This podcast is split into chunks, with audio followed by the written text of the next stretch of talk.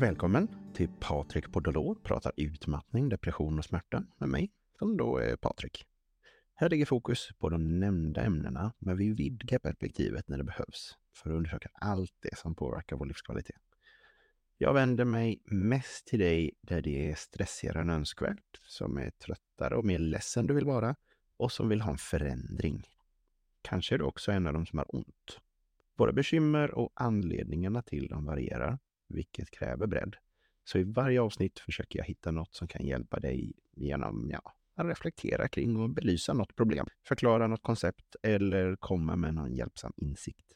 Jag förklarar praktiskt taget uteslutande grundinformation eller resonerar kring sånt som har varit användbart kliniskt tidigare. Tanken är att jag ska kunna dela med mig av det som jag tar med mig från goda böcker, reflektioner eller rent av kundmöten, coaching och terapitimmar. Och härigenom kunna delge det till desto fler. Vi provar och så får vi se om jag kan hjälpa till med någon insikt.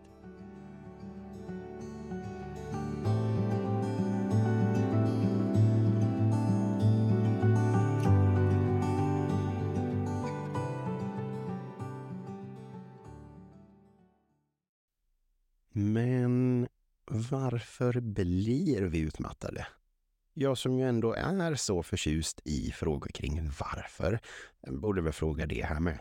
Och jag skulle säga att det beror på överkonsumtionen av vårt dubbeläggade svärd, just stress.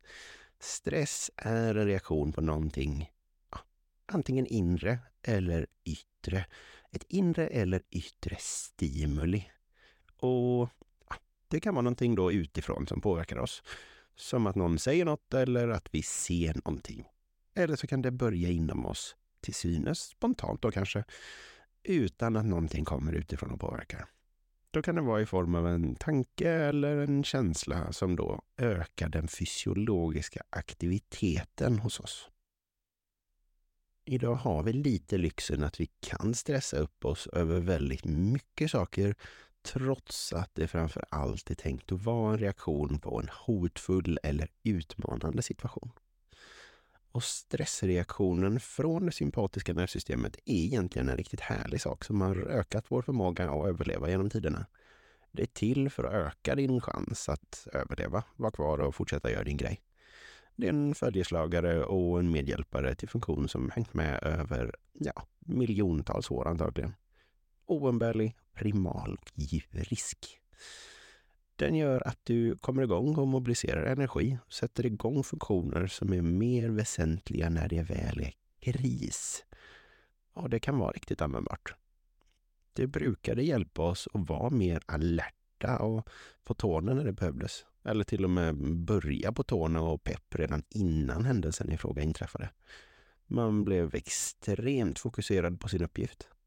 Ibland snarare spänd eller ivrig och en annan nivå är när man snarare närmar sig livrädd. Oavsett vilken nivå och ja, vilka övriga känslor som kommer med. För känslor och stress är olika sak. Så ja, men stressen den gör ungefär samma sak oavsett vilken nivå. Det är bara en fråga om hur mycket den gör det. Det är tänkt att man antingen kämpar eller springer för sitt liv med det här. Att spela död är ett annat alternativ som man inte så ofta hänvisar till. Praktiskt taget motsatsen till de första två och kanske inte så ofta väldigt användbar. Men alternativet är att svimma eller bli mer apatisk. Freeze är ett annat ord för det. Fight, flight eller freeze. Och det här inträffar i regel när stressen är alldeles för stor och överväldigar. Så man bara blir stående och stirrar eller blir helt handlingsförlamad. Det svåra med det här är att stress idag sällan är livshotande. Åtminstone inte för de flesta av oss. Istället är den långvarig och tär över tid. Att använda den där turbon som med tiden fungerar som ett tveeggat är antagligen var det här gick fel. Idag är inte problemet akut och kortvarigt utan snarare att vi inte har tid. Och vi har ångest eftersom vi producerar och gör för lite. Man vaknar på natten och tänker på sina projekt. rusar från ett ställe till ett annat 9 till 5. Barnen sysselsätter dig hemma efter det. Och då kanske mer än du egentligen orkar. Det finns mer saker att göra än du hinner med tills det att det är läggdags. Det är projekt på din fritid och uppgifter på din arbetstid. Tuffa samtal och ekonomi. Du håller jämna steg med ja, kollegor och grannar när du upprätthåller din eleganta fasad, om det nu ska vara så noga. Du sköter din ekonomi och dina lån. Men vore det inte skönt att ligga strax före? Så man tar i lite till. Man kämpar och gör framsteg så man syns och märks. Man gör det som behövs, det som förväntas, det man tror förväntas och det man antar att man borde göra. Helst gör man också det man vill ägna sig åt, men det är inte riktigt alltid man får möjligheten att komma så långt ner på prioriteringslistan. Människor kan tänka saker och det finns oändliga stimuli och försöka kontrollera, hålla reda på, komma ihåg, analysera och bedöma. Det finns mat att tänka på, barn att köra hit och dit, någon att behaga och ett hem att hålla rent. Oftast och helst är det bara någon att behaga. Någon man uppskattar och vill vara till lag snarare än att man hamnar i att försöka vara alla till lags. Över tid blir det att varje liten sak som ska göras läggs på hög. Miljoner små tankar, projekt, saker, stimuli och ansvar, skuld och tider att passa. Det blir till en omänsklig last av uppgifter. Och whoops, så är den där stressreaktionen, den vart ständigt närvarande. Aktiveringen av sympaticus, eller delen av nervsystemet som stressar oss, den vann nästan alltid dragkampen jämfört med parasympaticus, eller delen då som snarare sköter avslappning eller rest and digest som man så ärtigt säger ibland. Det fanns inget omedelbart hot. Men det spelar ingen roll, för du kände det, agerade på det och gjorde det till något. Krav från dig själv och eller din omgivning oavsett faktiska hot är stressande och det blir ett massivt problem med tiden. Det verkar som att allt blir hotfullt om hjärnan får en chans att se det på det sättet. Och skynda sig för att få saker gjorda för att annars det leder till stress som leder till en känsla av att det är praktiskt taget det är farligt. Det här är en stor del av det. Och det faktum att människor, ja, de kommer alltid att hitta problem. Du måste antagligen hitta vilka problem du vill ha för att trivas. Alternativet är eh, inte att ha ja, inga problem. Och ha inte ett dugg till problem, det finns oftast inte. En prins utan problem kommer hitta de minsta bristerna och göra dem till enorma problem. De som svälter kommer inte att lägga märke till det som du kanske stör dig på. Ett hål i ärmen, en blåsa mellan tårna eller och nej, grannarna gör det ena eller det andra. Om du inte har några problem kommer de små problemen att kännas stora. Om du inte har mat och vatten för dagen så är det sannolikt ditt mest märkbara problem. Att bli upplyst nog att bara uppleva saker som objektiva situationer snarare än problem. Det är väldigt få förunnat. Och sen så finns det ett litet gäng som kan snällt och fint och lugnt sitta och andas sig igenom ja, men nästan allt i katastrofväg. En ständigt närvarande stressreaktion snarare än bara för en stund när det är nödvändigt. Det fungerar inte hur länge som helst. Och kan en parallell till hästar och andra djur som springer tills de faller ihop döda vara på sin plats här? Enligt legenden så var det väl också fallet med den första maratonlöparen. Han sprang för att få fram sitt budskap.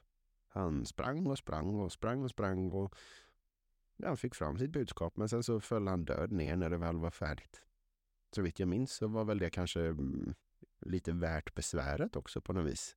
För då var det ju verkligen kris och katastrof. En del resonerar att vi blir mer hotade och stressade när vi saknar kontroll. Mer press, högre hastighet och osäkerhet utan tillräckliga möjligheter och resurser att påverka och förändra situationen, ja, det blir mer stressande. Och ha stort ansvar och en stor arbetsbörda kommer att göra sin del, absolut. Men den rena mängden saker att göra är inte alltid ett problem av samma magnitud om du kan kontrollera det. Höga krav och liten kontroll ökar risken för ohälsa. Det har till och med visat sig att lite kontroll, ja, det är stressande när det egentligen inte ens är nödvändigt. Om det inte är särskilt viktigt och du saknar kontroll, kan det ändå upplevas som stressigt. Här kommer vi till en diskussion om kontroll som är något som gubbar för länge sedan resonerar kring också. Stoiker. Jag är högst förtjust i de gamla gubbarna. För de resonerar att den här kontrollaspekten inte gäller för dem som tenderar till att fokusera på det som de verkligen kan kontrollera och inget annat. Och det här är ett extremt viktigt trick som jag ofta tar upp med klienter jag ägnar mig åt. Förutom att jag då gör mitt bästa för att ägna mig åt precis detsamma själv. Just att fokusera på det man kan kontrollera och inget annat. Det här tas upp i en del av boken som finns på hemsidan också. Just för att det är så väldigt relevant för praktiskt taget alla jag ägnar mig åt. Det är antagligen ett av de mest förträffliga knepen jag tar med mig från stoicismen. Men krav och kontroll där då? Det, det kommer i några olika konstellationer. Och vi skulle kunna börja med låga krav och låg kontroll. Det gör situationen passiv. Det kan vara ett bra läge för att bli mer deprimerad kanske av att man blir understimulerad. Eller i en del fall utbränd av att praktiskt taget bli uttråkad. Bored out är faktiskt en term som används av en del för att ja, det kan leda till problem det här också. Detta kan vara ett problem när du verkligen behöver få betalt. Du behöver ha mat på bordet och du har inga andra alternativ. Så du, du gör något som ligger under din nivå. Du blir inte tillräckligt stimulerad för att utmanas av kraven som ställs. Men du hamnade inte heller i en position där du, kontrollerar, ja, du kan inte sköta och kontrollera och ändra på det. Du, du är där, du sitter fast där. Det är varken svårt eller intressant. Och här är du dag ut och dag in. Och är man här så skulle det kanske kunna vara en god idé att fråga sig vad man kan göra åt saken. Sen har vi höga krav och låg kontroll. Det gör situationen spänd och sannolikt rätt så besvärlig. För det här är typexemplet på situation där man blir utmattad av långvarig stress.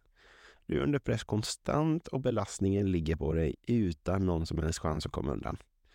Eller så verkar det åtminstone som att det är så.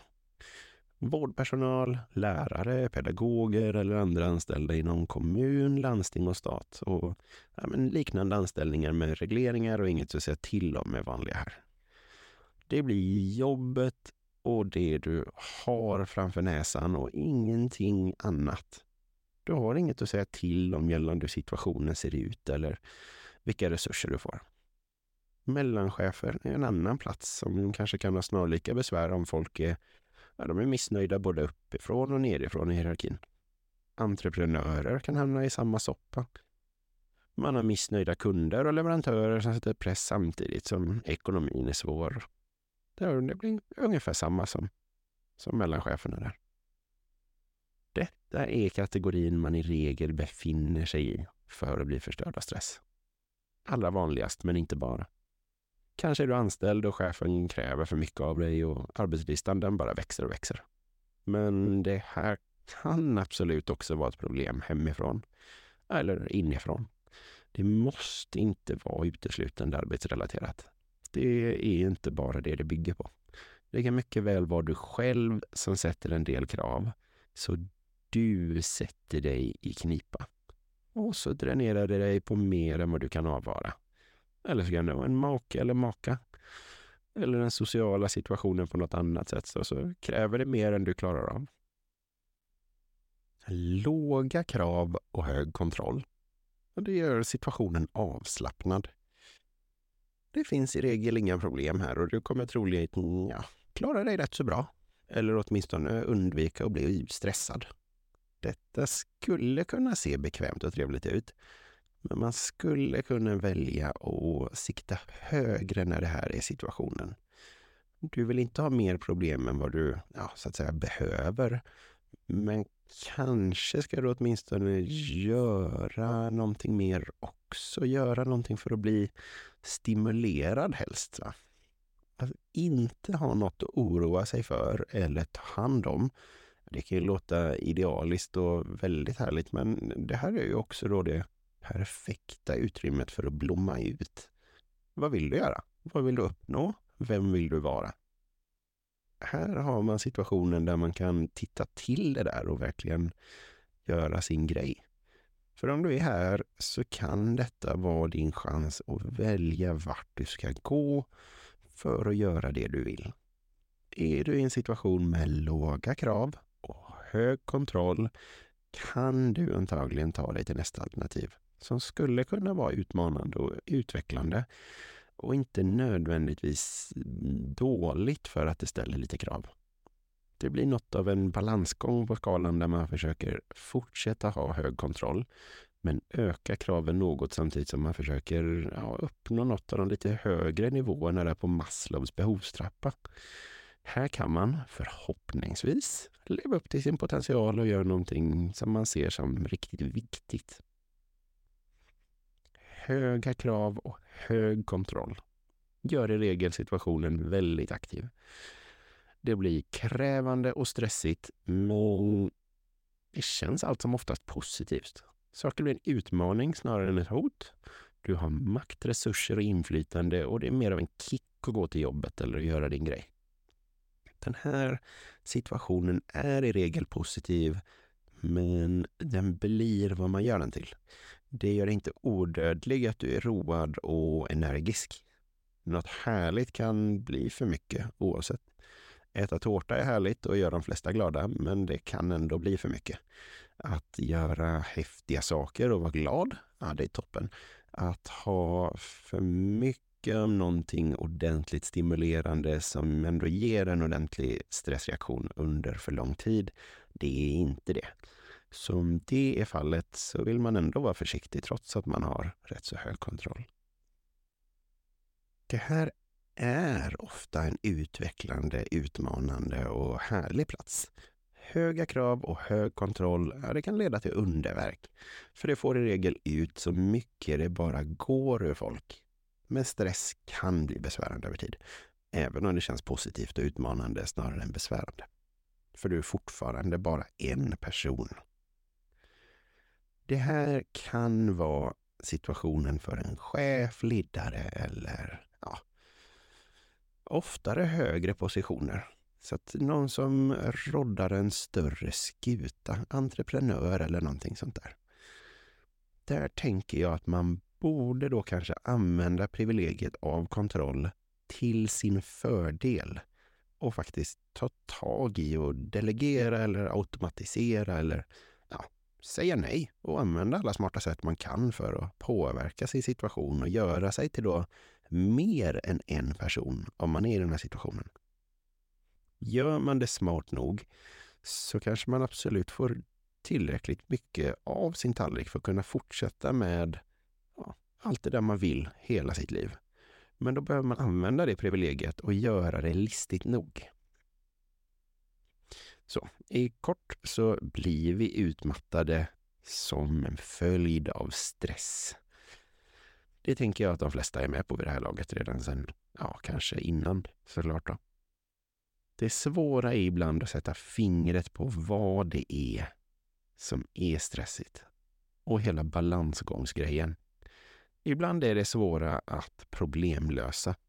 För att göra någonting åt grundproblemet så behöver man ofta ta reda på vad det är som stressar och just precis problemlösa. Och det ska helst ske precis där. För det är just det mycket landar i, tänker jag, väldigt många gånger. någon slags problemlösning. Och sen kan det såklart ligga i både psykiska och sociala delar av livet. Är smärta eller sjukdom inblandat, ja, men då har det också med fysiska aspekter att göra.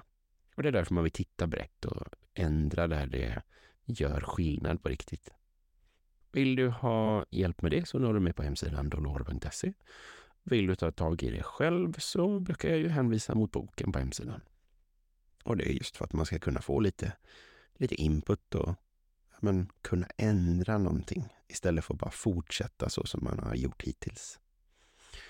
Det är två alternativ. Eller så hörs vi vidare här framöver. Nästa gång tänker jag att vi tittar lite på hur utmattningssyndrom kan behandlas. Ha det fint så länge.